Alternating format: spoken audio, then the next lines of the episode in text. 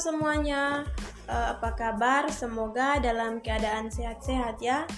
Uh, baik, pada kesempatan ini uh, saya akan menjelaskan materi tambahan tentang layanan konseling uh, dalam kaitannya dengan tujuan, fungsi, dan contoh.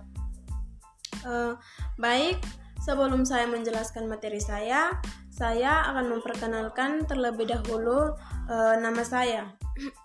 Langsung saja, nama saya Maria Fridolina Toan dengan NIM 211612 semester 3 Fakultas Keguruan dan Ilmu Pendidikan Program Studi Bimbingan dan Konseling Universitas Nusa Cendana Kupang. Uh, baik, untuk mempersingkat waktu, uh, langsung saja pada materi inti. Uh, yang pertama, layanan tujuan layanan konseling. Uh, di sini tujuan layanan konseling yaitu untuk membantu siswa mencapai tugas-tugas perkembangan secara optimal sebagai makhluk Tuhan sosial pribadi.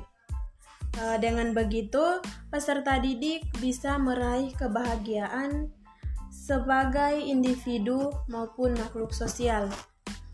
Adapun tujuan umum dari uh, layanan bimbingan dan konseling adalah sesuai dengan tujuan pendidikan sebagaimana dinyatakan dalam Undang-Undang Sistem Pendidikan atau UU SPN tahun 2003 uh, eh, tentang terwujudnya manusia Indonesia yang berbudi pekerti luhur memiliki keterampilan dan pengetahuan, kesehatan jasmani dan rohani, uh, serta rasa tanggung jawab ke masyarakat dan bangsa.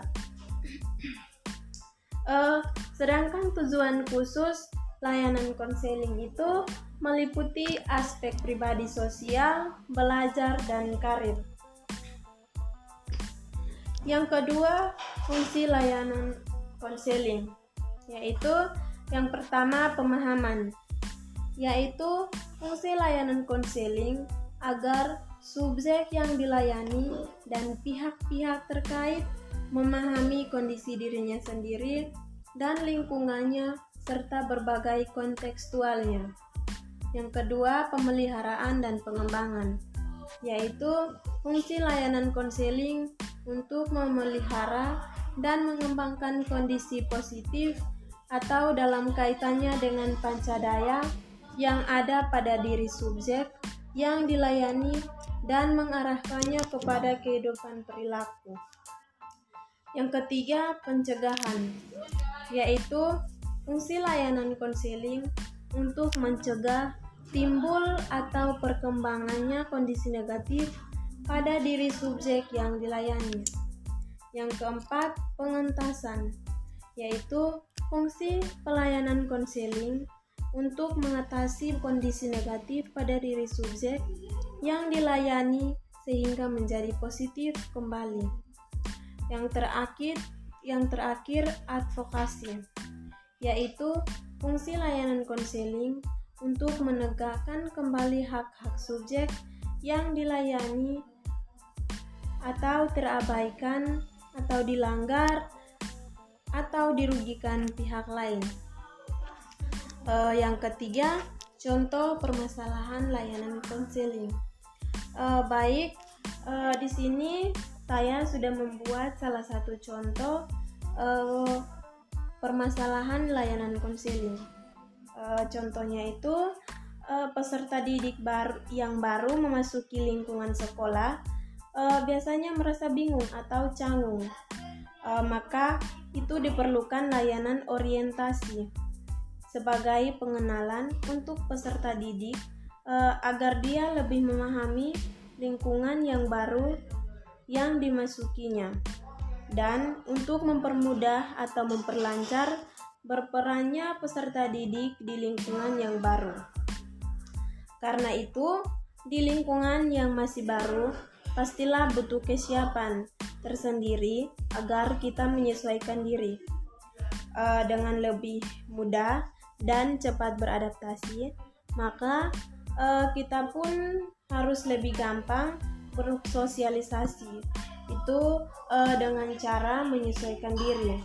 Itu uh, yang pertama itu cari tahu sebanyak mungkin uh, informasi tentang sekolah atau tempat baru untuk persiapan adaptasimu. Uh, yang kedua persiapan diri.